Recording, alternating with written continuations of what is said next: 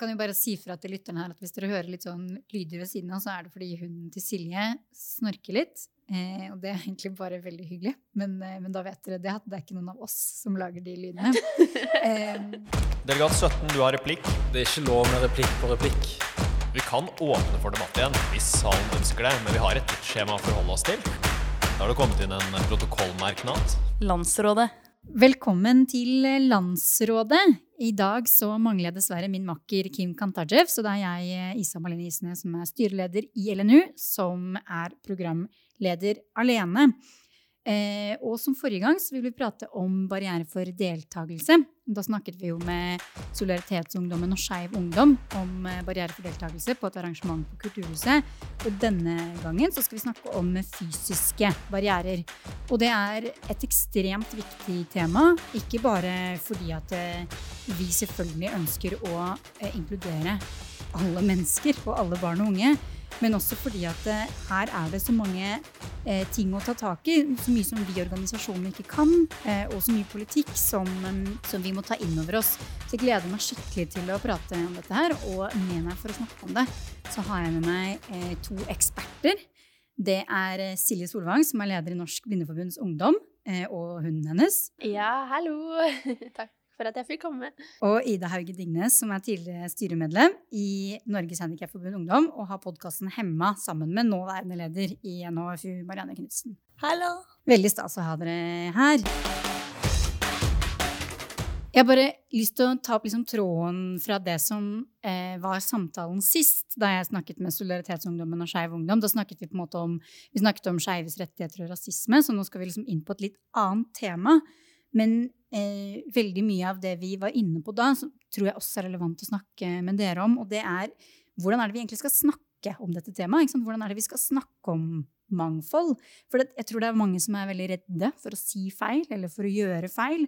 Eh, og at de liksom tenker at det er det bedre å ikke gjøre noe i det hele tatt, f.eks. Eh, men det er jo viktig å ha et språk for det, er det ikke det? Jo, jeg tenker det er viktig å bruke et inkluderende språk, da som sånn det er bevisst over de ordene man bruker. Men samtidig er det viktig å ha en lav terskel eh, for å konversere og prate. Eh, så den balansegangen der er viktig å måte, finne ut av. Eh, men jeg tenker at noe man kan gjøre, er ganske enkelt, eh, det er litt etter eh, F.eks. om jeg bruker ordet eh, funksjonshemma og meg selv. Da kan andre liksom oppfatte at OK, Ida er komfortabel med det ordet. Da kan jeg bruke det igjen. Eh, eller om Silje bruker et annet ord om seg selv, så kan andre liksom oppfatte at OK, da er det ordet greit å bruke. Da, da, da tillater jeg andre å bruke det ordet om meg når jeg bruker det selv. Mm. Hva tenker du, Silje? Ja, vi er jo en veldig stor og variert gruppe, og vi har jo forskjellige preferanser på hva vi liker og er komfortable med. Eh, så jeg tenker det Ida sier, er veldig, veldig viktig. Eller det jeg egentlig hører at dere begge to sier, er at hvis dere har brukt et ord om dere selv, så syns dere også at det er greit at andre f.eks. bruker det. Men, men det er ikke da utgangspunkt utgangspunktet at alle liker det. For det blir da på en måte man må heller da tenke å lytte til de individene man prater med. For det er variasjon, og det er et mangfold av hva man liker av ord og språk, og hvordan man prater om seg selv. da. Så om jeg da eh, ja, definerer meg som en hund, så må andre fatte det at okay, ja, Ida er hund. på en måte. At man også da inkluderer det derre Kanskje pronomenrunder. At man rett og slett innfyller sånn inkluderingsagendaer innenfor organisasjonslivet. Så alle blir på en måte ja, inkludert. Og så tenker jeg også på at det er viktig å Er man redd for å si feil, så at det er bedre å ta kontakt og at eventuelt at man sier funksjonshemma, da, hvis man skulle enn å ikke ta kontakt. Jeg er helt enig i at det er viktig at man skal ha lov til å gjøre feil. Da. For det skaper den lave terskelen til å prate mellom hverandre. Da. At, det er på en måte at man ikke skal straffe noen for å bruke feil ord, men heller oppmuntre, kanskje, til å bruke det man liker selv, da, kanskje. Men hvorfor tenker dere at den unge frivilligheten bør bli mer inkluderende? Eh, det tror jeg er ganske åpenbart, da. Eh, men eh, det gagner jo hele samfunnet at alle mennesker ser hvem som er i samfunnet. At, at de som er i organisasjonene, de gjenspeiler den faktiske populasjonen. Da. At det ikke bare er at man har dratt ut en viss gruppe mennesker, men at det er en blanding av variasjon da, i organisasjonen. At man etterstreber det, tenker jeg er så sykt viktig for å få frem mangfoldet. Og ja, rett og slett bli bedre på inkludering. Den unge frivilligheten den skal jo speile eh, samfunnet og menneskene i det. Og da tenker jeg det er så viktig å, at eh, mennesker med funksjonsnedsettelser er med, da, for de har så mye erfaringer og holdninger som er så viktig å få fram i den unge frivilligheten. Og jeg tror vi når veldig langt da, ved å gjøre det beste vi kan for å inkludere flest mulig. Dere kommer jo begge fra organisasjoner hvis formål er å inkludere noen grupper i samfunnet.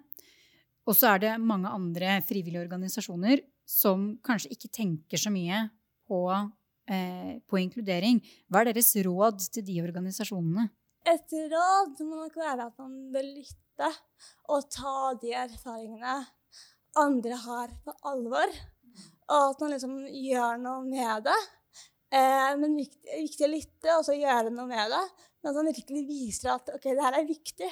Og jeg ser at det du tar opp nå, det er viktig, og det må gjøre noe med en gang. Eh, om jeg hadde kommet til eh, f.eks. Eh, Skeiv ungdom, og jeg ikke kommer inn der, og jeg tar opp den liksom, utfordringen, er det viktig for meg å se og anerkjenne at det er en faktisk utfordring. At man gjør noe med den barrieren, slik at jeg kan delta i Skeiv Ungdom da, som alle andre. Jeg er helt enig med Ida. og um, når uh, man har påmelding til arrangementer, så er det veldig fint å spørre i påmeldingsskjemaet har du noen tilretteleggingsbehov. Og hvis da hadde det vært helt naturlig for meg å skrevet at jeg er svaksynt uh, og um, trenger eh, powerpointen på forhånd på mail. Uh, og ja, hvis man da som organisasjon er usikker, da, så kan man jo da ta kontakt med Blindeforbundet og høre Hei, vi har ikke arrangert noe for blinde Eller noe, vi har ikke hatt arrangementer for blinde og svaksynte før, eller hvor det har vært en deltakende svaksynt. Så kan vi få råd og tips av dem, og det samme gjelder nok andre organisasjoner. Så det er et godt tips. Og det å alltid møte nye medlemmer ut, f.eks. At man møter dem i gangen og viser dem veien opp, f.eks. Det tror jeg kan være veldig lurt og konkret eksempel. Mm. Det ser jo ikke de som lytter, men du Ida, du sitter i rullestol. Har du, har du opplevd at du ikke kan komme inn på et arrangement pga. det? Nå brukte jeg Skeiv Ungdom her som eksempel i stad, og det var jo fordi at jeg faktisk ikke kom inn eh, der. Eh, fordi det var trapper opp. Og de har da faktisk eh, gjort noe med det og lytta. Eh, så det vi gjorde da, var at Skeiv Ungdom brukte NAFU sine lokaler til å arrangere spillekvelder. Eh, og det var skikkelig godt liksom, eksempel på hvordan det kan løses. da. Så lenge barrieren er for stor, og at det koster mye penger, så kan du gjøre det på en sånn måte fram til man har en reell og god løsning. Så er en midlertidig løsning på et stort og omfattende problem. Så jeg tror det er løst opp i nå. Jeg har ikke funnet ut av det i og med at det er korona og sånn. Men jeg tror jeg har faktisk ordna opp i det nå, og at det er tilgjengelig. Det var skikkelig bra av Skeiv Ungdom, og da rett og slett ta kontakt med oss og ja, høre om hva vi tenker rundt det. da. Ja, så kult. Hva med deg, Silje? Har det liksom vært noe vanskelig for deg? Du er jo svaksynt. Det vært no er det noen arrangementer du har opplevd at ikke du kan komme inn på? Av det? det er veldig mye på digitale arrangementer og arrangementer hvor det er powerpointer som skal vises. Jeg har ikke mulighet til å lese på en powerpoint hvis jeg sitter i en sal, eller lese på en powerpoint hvis jeg sitter på Zoom. Jeg må ha eh, Zoom-muligheter og sånn. Eh, så det er veldig mange arrangementer jeg deltar på hvor jeg ikke får den eh, visuelle informasjonen jeg burde hatt for å følge med på det møtet jeg er på, eller den konferansen jeg deltar på i den organisasjonen. Så det går mest på sånne ting. Og det å ikke finne fram, at det ikke er lederlinjer og ja, ja, knotete å finne fram, da. Det er det som er de største barrierene for oss. Hvordan syns du det var å komme hit? Eh, og det var litt gøy, egentlig, fordi eh, jeg tok jo T-banen. Og så eh, var det en eh, person eh, i en elektrisk rullestol, og jeg tenkte der er Ida. og jeg fulgte etter henne i god tro om at det var Ida. Og jeg havnet helt på feil sted. Å nei! Men um, det var min egen skyld. Men da jeg innså det og skrudde på Google Maps, så gikk det fint. Men det bygget her det er jo så stort, så jeg, jeg sleit litt med å finne inngangen. Men eh, ellers så gikk det veldig fint. Ok, så vi passerte den testen. Det er litt Ja. letta å høre, faktisk. Um, når vi snakker om den unge frivilligheten, så, så snakker man jo om at det skjer jo ikke bare en rekruttering én gang, men at man skal rekruttere flere ganger. Man skal få folk inn i, inn i verv, eh, de skal få større ansvar og innflytelse i organisasjonen sin. Og med nye rekrutteringsarenaer oppover i organisasjonene, så kommer det også nye utfordringer, da. Hva tenker dere organisasjonene må gjøre for å sørge for at det faktisk er mangfoldige, f.eks. sentralstyrer? Eh, Jeg tenkte først å svare på noe annet, liksom hvorfor det er viktig med, med mangfold i sentralleddene. Og det er fordi at da har man forbilder oppi der.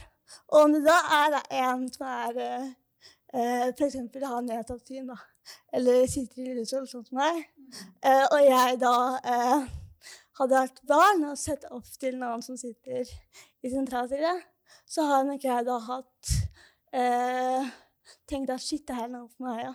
Det er noe jeg får til å gjøre. Og det er noe for alle. Uavhengig av eh, hvordan biologi man har, eh, uavhengig av hvordan man ser ut, uavhengig av hvordan man er. Eh, jeg syns liksom, det er en sånn viktig clou å huske på at hvorfor er det viktig? Jo, det er fordi at da har man noe, da har man mangfold da, i sentralverden å se opp til. Men for å komme dit eh, så må man være gode på å gjøre folk trygge i organisasjoner, tror jeg. Eh, og liksom ha noen som kanskje passer på at man har på en måte en kontakt når man finner på noe, så jeg tror det kan være lurt. Men jeg vet ikke om det egentlig er lurt, da, men å, å ha en kontakt i organisasjoner som, som kan ta vare på folk, da, og gjøre folk trygge. Ja, jeg vet ikke om Ja, den trygghetsfølelsen er kjempeviktig, og spesielt for oss som uh, har en funksjonsnedsettelse. da, Vite at man har en man kan kontakte, og uh, som kan hjelpe deg, er kjempeviktig. Og ikke minst det med at, at det er en som har et eh, sentralstyreverv, eh, som har en funksjonsnedsettelse. Da kan man nesten ta det som en selvfølge at arrangementene at de er barrierefrie, at lokalet er universelt utformet, og at powerpointen blir sendt ut på forhånd. og at det er tilrettelagt da, for alle, og at det ikke bare er for ja, normalbefolkningen eh, i gåseøynene. Det tror kanskje at det er noen da, i organisasjonene som syns det er ubehagelig å stille spørsmål knytta til f.eks. at du er svaksynt. Eh, syns du at det har vært vanskelig noen ganger hvis folk har stilt deg spørsmål rundt det? Det jeg syns er vanskelig, er når de ikke gjør det. Um, jeg husker da jeg ble aktiv i en organisasjon som ikke er eh, Blindeforbundet, så det var ingen som stilte spørsmål når jeg kom der med mobilitetsstokk, og det var nesten så de tok avstand til meg og ikke turte å omtrent snakke med meg, fordi de er redde for å si noe feil. Og eh, da tenker jeg at det er helt bedre med et spørsmål for mye enn et spørsmål for lite. Og eh, det er veldig bra de som tør å gå bort og faktisk være litt nysgjerrig da, og spørre. Og ja, det er veldig hyggelig. Men kan det bli for mange spørsmål, Ida? Jeg er enig i, jeg er veldig enig i det Silje sier, samtidig som jeg tenker at det er viktig at eh, vi ikke skal være eh, lærere i samfunnet. Altså, vi skal ikke ha det ansvaret på skuldre at vi til enhver tid må opplære folk i hvordan eh, ting fungerer. Eh, så det er viktig å ha den derre eh, at man har med det både overperspektivet i hodet hele tida. At selv om det er greit å spørre ha lav terskel, eh, så man også ha respekt for at de menneskene de sikkert spilt spørsmål ofte, og at det kan være ganske ubehagelige spørsmål. Eh, Så det er viktig å vite okay, hvordan skal man ordlegge seg, og hvordan skal man gå frem. da. Så det er viktig å ha det i bakhodet hele tida. Selv om det er viktig at man også skal eh, tørre å spørsmål. Og det, det er sånn synd å ta det opp for det gjør kanskje at folk ikke tør igjen. Og det er jeg redd for, at folk ikke skal tørre. Men det er viktig at man ikke eh, stiller for graverende spørsmål. For det handler jo om respekt for enkeltindividet. Og det er jo vanlig at man tenker at det er noen intimsoner for alle mennesker uansett. At man kanskje ikke skal spørre om absolutt alle ting da, angående en sykdom man har, eller hvilket kjønn man definerer seg om, eller hvilken funksjonsvarians man har. Ja. Ja, det er det jeg tenker på. Og så tenker jeg at det finnes så mange podkaster sånn som her man kan lytte til for å lære om det istedenfor. Eh, og at man bør benytte seg av alle de plattformene også, da. I tillegg. Så alle de som lytter på denne podkasten, i hvert fall, de bør kjenne sin besøkelsestid. Jeg skal litt over på litt sånn derre mm, Snakke litt grann om politikk, fordi at eh, noe som har vært veldig viktig, vet jeg, for deres organisasjoner, er å snakke om også eh, funksjonsnedsettelser som et likestillingsspørsmål. Eh, hvorfor er det så viktig? Vil du starte, Ida? Nei, det er jo fordi at uh, vi blir behandla som en uh, kostnad i budsjettprioriteringer, altså en byrde, på en måte. Og at det er viktig å si at uh, den kostnaden da, som det i så fall er, den er med på å øke vår likestilling. At man tenker på det på den måten. Ikke at det er på den en, en utgiftspost som er svær og tung, men at det er, på den, det er en post som setter av for å øke likestillingen for folk flest. Og man da kan Ja, at man må prate om likestilling for å eh, rett og slett få vekk det herre eh, det herre utgiftsbyrden, da. Eh, for det er så ofte snakk om den herre at å, du er så dyr. Eh, og så handler det egentlig om likestilling. At alle mennesker skal ha lov til å delta på lik linje som alle andre. Og har rett til å delta på lik linje som alle andre. Og da må man tilrettelegge for det. Og det koster penger, men det er for likestilling. Ikke sant? Hva, har dere jobbet noe politisk med det, Silje? Eh, nei, ikke veldig mye, men eh, vi er jo helt enige med Ida.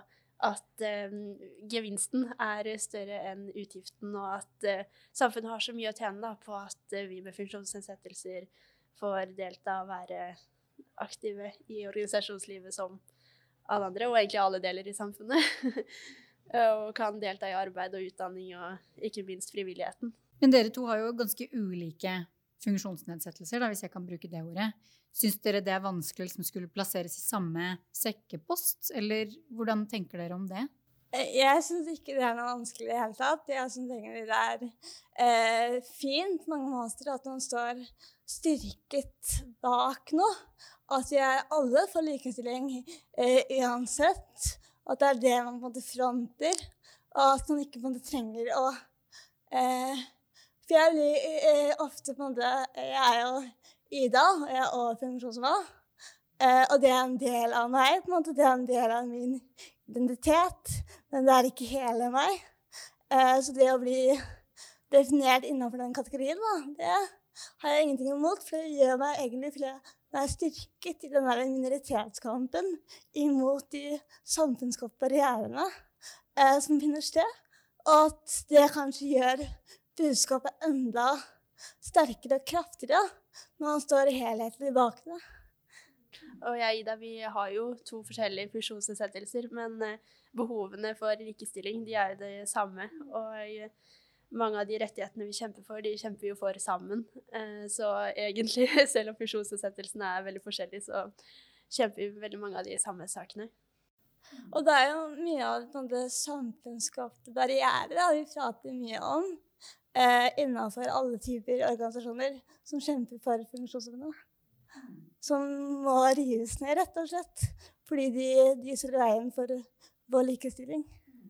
Ikke sant? Litt tilbake sånn, til barne- og ungdomsfrivilligheten, så har vi jo vi gjort en medlemsundersøkelse før hvor det viser seg at organisasjonene våre er ikke spesielt gode på å inkludere, men det er stor vilje for å inkludere. Hvis dere liksom bare skulle sagt med én setning sånn, det er dette dere må gjøre for å sørge for å være mer inkluderende, hva ville dere sagt da? Silje, start med deg. Jeg hadde sagt at uh, spør personen det gjelder, er den som kjenner seg selv og funksjonsnedsettelsen sin best. Uh, send en melding og vær på og, for å inkludere. Og la den velge uh, veien å gå, da. Jeg vil egentlig bare underbygge det poenget til Silje med at det er lurt å kontakte organisasjonene eh, sånn som NBFU eller NAFU, eh, om man eh, har eh, noen eh, spørsmål. Fordi at vi som er eksperter og kjenner det for kroppen, vi vet gjerne hvordan man kan tilrettelegge for å gjøre alt tilgjengelig. Og for å gjøre organisasjonen mer mangfoldig. Når jeg har særlig snakket med dere i NBFU, da, Silje, så har jeg hørt veldig mange som har snakket om at noe av det som er så sjukt fint med å bli aktiv i nettopp Norges Blindeforbunds Ungdom, er at man får et samhold seg imellom hvor den barrieren på en måte ikke fins i like stor grad. At man liksom blir tettere sammen fordi eh, man får så sterkt bånd når man opplever de samme utfordringene. Vil du fortelle litt om det? Vi er jo veldig forskjellige, vi i NBFU. Vi er jo like forskjellige som mennesker flest. Men det vi har til felles, er en synsnedsettelse. Og mange av de utfordringene man møter som synshemma, er ofte de samme, uansett hvor man bor eller hva slags synshemming man har.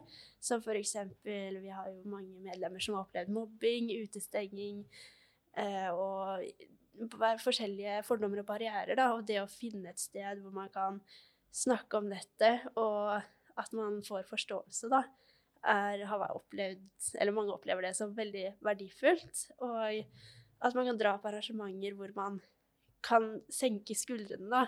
Og i, i hjemmemiljøet sitt, lokalmiljøet, så er det jo ofte slik at man Man kan jo ikke alltid senke skuldrene og tenke denne skoledagen, denne går helt perfekt. Men i NBFU så har man Man får liksom venner som man kan uh, få forståelse, da, for uh, de utfordringene man møter. For vennene mine hjemme har jo ikke de samme forståelsene, for de har ikke opplevd de barrierene jeg opplever. Men når jeg kommer i FU, så opplever, er det mange som har opplevd det samme, da, og vi kan snakke fint om det. Så det oppleves veldig verdifullt for mange av våre medlemmer. Er det noe du kan kjenne deg igjen i, Ida? Har dere litt tilsvarende sånn tetthet? Jeg vil si at NRF kan bli en sånn safe spot. At uh, det litt sånn trygt rom der man kan prate og ja, utveksle erfaringer. Eh, og at man vet at eh, man kommer til å møte noen som har møtt på de samme utfordringene. Og ja, siden de andre kjenner til det man har møtt på, er det nok enklere å åpne seg opp, da. Og dele og våge å skjønne at okay, det er trygt rom, fordi at folk vet jo at den diskrimineringen og de fordommene skjer. da. Så det er definitivt noe som er trygt og godt igjen av FU også. I på en måte samfunnsdebatten for øvrig, hva mener dere at mangler for at flere skal kunne snakke om disse temaene som vi tar opp nå? Jeg tror mm, Jeg har prata litt om det med språk og ord, og at eh, det kan være litt eh, høy terskel for å bruke uh, ordene på riktig måte. At man skal være liksom, politisk korrekt og si ting så riktig. Og det er viktig på, på mange måter, da. Men det er òg viktig å, uh, å tørre å ta opp de her samtalene. Eh, og våge å prate om det, fordi det er som å bryte ned barrierene i samfunnet. Eh, så jeg tror det handler litt om sånn eh, verktøykasse, altså språkverktøykasse, rett og slett. At man kan være litt redd for å ta i bruk ord man ikke helt er, har brukt det ofte før. da. men ikke helt har smakt, smakt så godt på de ordene før. Og da er det vanskelig å ta de, ta de i bruk. Jeg er helt enig med Ida. Og jeg føler at det er så mange som er så redd for å si feil, at de velger da å ikke løfte opp debatten. Eh, og når vi er på Arendalsuka f.eks., så å snakke med politikere, så er alle, alle er enig i det vi sier, men det blir jo ikke gjort noe. Er mye av det grunnen til det, tror jeg, fordi de er redd for å si feil, og de har ikke nok kunnskap, tror jeg, om eh, funksjonsnedsettelser og sånt, fordi det er så få av oss som er eh, aktive i ja, høye verv og faktisk har kunnskapen. Da. Jeg tror det ligger litt i det også. Jeg skulle fange den tråden Silje tok litt opp her nå. fordi at det at politikerne ofte jatter med at vi er så enige at det de sier er at det er dumt, at vi må gjøre noe med det. Så det er så lett å bare jappe. Det er så lett å si yes, vi er enige, uten helt forstå hva er dere er enig i. Og må på en eh, ja, der tror jeg det er litt mangel på kunnskap, som Silje også refererte til. At det er litt mangel på kunnskap, at de holdningene er så innprenta i kroppen. At det er vanskelig å se og erkjenne at man har det. Eh, så jeg tror man til og med som politiker kan ha noen holdninger som er internalisert, ikke helt bevisst for at OK, sånn her eh, tenker jeg, da, om funksjonshemmede. Og at man derfor må måtte avlære seg eh, de holdningene. For å få sånn aha-opplevelse. det er shit, det er sånn her vi gjør det. For å virkelig liksom bryte ned barrierer i samfunnet. Apropos egentlig det begge dere snakker om, for dere snakker om Arendalsuka f.eks., men også sånn bare det å møte med politikere. Men, men opplever dere at det er en barriere for å få dere også med i politiske prosesser, f.eks.? Eller opplever dere at det er ganske inkluderende der? Hvordan, hvordan er det? Jeg vil si at eh, man blir eh, inkludert. Altså, det er sånn derre Det blir todelt svar på det. Eh, fordi man må huske på at problemstillingen gjelder oss. Eh, og det kan være vanskelig å på Det kan være mange som tenker at la oss si man skal bygge et hus, da. Noe så enkelt som det, eller bygge en, uh, et kjøpesenter. Og så glemmer man litt at ok, funksjonshemmede de skal òg inn på det kjøpesenteret. Og da glemmer man å ta med funksjonshemmede i den prosessen av den byggeplanen av det kjøpesenteret. For man glemmer at vi er en del av mangfoldet i samfunnet. Uh, og når man glemmer det, Eh, da er det lett å ikke inkludere oss i prosesser. Eh, så er det viktig å alltid ha i bakgrunnen at OK, den er med i samfunnet. Den er som faktisk er med. Den er som faktisk er en del av befolkningen. Og ofte når jeg møter folk i samfunnet, kan jeg si sånn Oi, shit, så bra å se deg her. Så bra å se sånn som deg her ute. Men det er ikke så rart det ikke er eh, de klassene som de refererer til. Bl.a. fordi de ikke er tilgjengelige. Vi kan oss ikke inn dit. Eh, så eh, dilemmaet er at jeg tror intensjonen er god, men at man ofte glemmer oss. Og det er jo også merkelig når eh, mennesker med funksjonsvarianser er den største minoriteten i Norge. Ja. Hva tenker du, Silje? Jeg er helt enig med Ida, og jeg syns det er så rart at vi gang på gang ble, blir glemt. Eh, vi så jo her på det klimatoppmøtet i Glasgow, så var det en i rullestol som ikke kom seg inn. Og det er liksom det er så rart at, ikke, at, vi bare blir glemt gang på gang, og at det ikke blir gjort noe med det. Jeg syns det er fryktelig rart, i hvert fall når du sier Isa. Vi er den største minoriteten i Norge. Ja, man kan jo ikke bare akseptere at noen mennesker bare skal bli glemt, liksom. Nei, og så føler jeg også når man skriver leserinnlegg og sånt om det, så blir det omtalt som klaging ofte. Eh, man får liksom 100 kommentarer på at man at ja, funksjonshemmede klager sånn. Og jeg vet ikke om du kjenner deg igjen i det, Ida, men uh, Veldig godt igjen, Ja. Det er liksom Det er ikke så lett å si ifra heller, fordi man får så utrolig mange Jeg tror liksom samfunnsbildet på oss med funksjonsnedsettelser, det er ofte så feil at de tenker at vi bare sitter hjemme og gjør ikke så mye. Vi er ikke aktive i utdanning og arbeidsliv. Og det er vi jo. Det er, så mye feil om og mye ja, mye feil om oss. Og, og det at måte, folk skal kommentere at vi klager fordi vi skriver et innlegg om noe som er, er å bryte rettigheter, det handler om at mennesker kanskje har en Eller ikke bare kanskje, at man har en manglende forståelse eh, av eh, hvordan ting er. Eh, at man kanskje ikke kjenner noen eller har, en, eh, har, en, har noen i kretsen sin eh, som er funksjonsmå. Eh, fordi at når jeg møter folk og får venner som, som, ikke er funksjonshemmede, og de oppdager alle de barrierene jeg møter på, da sier de meg Ida, jeg skjønner ikke at du ikke, klar, eh, at du ikke skriker ut enda oftere om den rettferdigheten som du møter på. Eh, og så når jeg ser at eh, ja, shit, det skjønner jeg at du på en måte sier. Og jeg prøver jo på en måte å møte den eh, motstanden, men når ikke alltid gjennom, da, for jeg har den manglende forståelsen. Og at man gir litt opp. Blir liksom maktesløs. Fordi at nødtrangen vegger hele tiden. Vi skal straks gå inn for landing. Um, men jeg kjenner når dere snakker nå, så kjenner jeg at jeg blir veldig sånn slått i bordet av at jeg syns dere er veldig modige. Og det gjør jeg også fordi det er noe med at dere må ta opp dette her da, på nytt og på nytt og på nytt. Uh, syns dere det er ok at det, liksom, det, må tas opp så ofte, og at folk ikke skjønner hvordan, hvordan, situasjonen er, og at dere må ta og bære det på deres skuldre. Da, litt sånn som du snakket innledningsvis om, Ida. Eller, eller syns dere det er sårt, liksom? Ja, altså det er jo Det skal jo ikke være sånn. Eh, og det er ja, det er jo ikke så veldig kult, akkurat. Eh, men samtidig er jeg veldig glad for at jeg da har en organisasjon i ryggen, og at jeg har venner der og, som backer, da. At de støtter opp, og at vi er flere som kjemper den samme saken. For vi er jo så mange organisasjoner som kjemper for de samme rettighetene, som burde vært implementert. Det kan bli et veldig sånn ork og en sånn byrde å ha av sine skuldre når man alltid møter de små hverdagskampene og mikroaggresjon.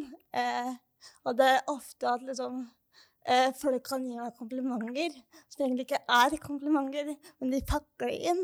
Og det er sånn godt ment kommentarer eh, som jeg ikke oppfatter som godt ment. Man kan si at 'Å, du er så flink på bussen', klappe meg på skuldra. Sant? Jeg tar bussen sikkert fem ganger om dagen, så det er ikke en stor prestasjon at jeg gjør det. Men når jeg står på en scene og en tale, det er greit å få skryt for. Eh, men det er sånne småting hele tida som gjør at jeg blir trøkt ned i søla. Og det vet jeg at mange andre opplever. Og at vi er, sånn, ja, vi er den største minoritetsgruppa, da, som du sa i stad. Og når vi gang på gang møter det, er det vanskelig å eh, holde ut med de barrierene. Men det er likevel, som Silje refererte til, litt deilig å skjønne at man har noen i ryggen. da. At man alltid har den organisasjonen som backer deg opp, og som stiller deg opp og er der med deg. Og man tar liksom kampen sammen. da. Det er fint å kjenne på. For det er litt lettere å ta de kampene hele tida. Hvis det er noen som har lyst til å følge mer med på hva som skjer på dette feltet her, hvem er det dere tipser om at man kanskje kan følge? Wheelchair Raffensel. Jeg vet ikke om dere har hørt om henne, men hun er veldig kul Instagram-bruker. Og opplyser om liksom diskriminering, fordommer, eh, at det at kroppen hennes ser annerledes ut, eh, bare en del av mangfoldet, og at det er fint. Eh, så hun liker jeg å tipse folk om. Eh, har så må jeg tipse folk om henne. Eh, så en podkast som jeg og min venninne Marianne Knutsen har sammen. Der vi tar opp eh, diskriminering og fordommer og barrierer. Og så, jeg vet Unge funksjonshemmede de har også veldig mye bra på eh, det her, og mye bra saker de følger opp. Og eh, i NBFU så har vi jo en veldig eh, en, jente som er veldig flink til å følge opp slike saker som det her. Hun er ikke redd for å ta kamper. Hun heter Guro Helene Sørdalen. Hun er um, ei ordentlig tøff dame som uh, flere burde lese om. For å avslutte litt, så lurer jeg på um, eh, Syns dere det er progresjon? Går det bedre i samfunnet? Blir det, blir det bedre? Jeg er veldig opptatt av universell utforming, altså utforming slik at alle kan bruke både tjenester og bygg og IKT-løsninger, slik at, ja, at alle kan bruke det. Eh, og der har vi fått et veldig godt lovverk nå som sier at alle nye bygg for eksempel, og IKT-plattformer, at de skal være universelt utformet. Og det samme med skoler. Hvis de ikke gjør ting universelt utformet, så får de bøter på mange hundre tusen kroner. Så jeg føler at det går bedre, eh, at det går framover. Så må vi bare fortsette å kjempe for det vi bryr oss så mye om. Jeg vil si at det går fremover veldig sakte, men det gjør det. Og noe av det man kan se det på, det er den avstemninga rundt eh, implementeringen av CRPD, eh, der det tidligere var stort mindretall, og at det i fjor var halvparten, halvparten, cirka. Det var akkurat liksom i undertall. Men det kunne blitt en snuoperasjon, da. Og at det på en måte tegner opp et bilde av at OK, nå skjer det ting her, og at ting snur litt. Er det noen siste ting dere har lyst til å legge til når dere først har disse mikrofonene tilgjengelige? Jeg vil oppfordre alle til å bare prøve så godt dere kan å tilrettelegge, og at eh, eh, organisasjonen, i hvert fall til meg og Ida, Norges Blindforbunds Ungdom og Norges Handikapforbunds Ungdom, at vi ja, jeg tror jeg snakker på vegne av begge organisasjoner, at vi står til for å hjelpe. For eh, vi kjemper for at flest mulig skal få muligheten til å engasjere seg i frivilligheten, for det er så utrolig viktig. Ja, du snakker absolutt for begge organisasjoner. Eh, og så må jeg tipse om Jan Grue også. Han har mange bra bøker, blant annet 'Jeg lever et liv som ligner deres'. Den vil alle lese. Den står på min to read-liste på Goodreads, så neste gang vi møtes, så har jeg sikkert lest den. Eh, Ida og Silje, tusen hjertelig takk for at dere kom. Og takk til dere som hørte på Landsrådet. Håper dere har blitt litt klokere om barrierer til deltakelse. Og tusen hjertelig takk igjen til dagens gjester Silje Solvang og Ida Hauge Dingnes. Jeg heter Isa Malin Isene og har vært programleder, og episoden er regissert og produsert av Kristin Juel Bergfløt og Sverre Øygarden Eikel. Tips, innspill, spørsmål, ris eller ros, send til landsradet at lnu.no.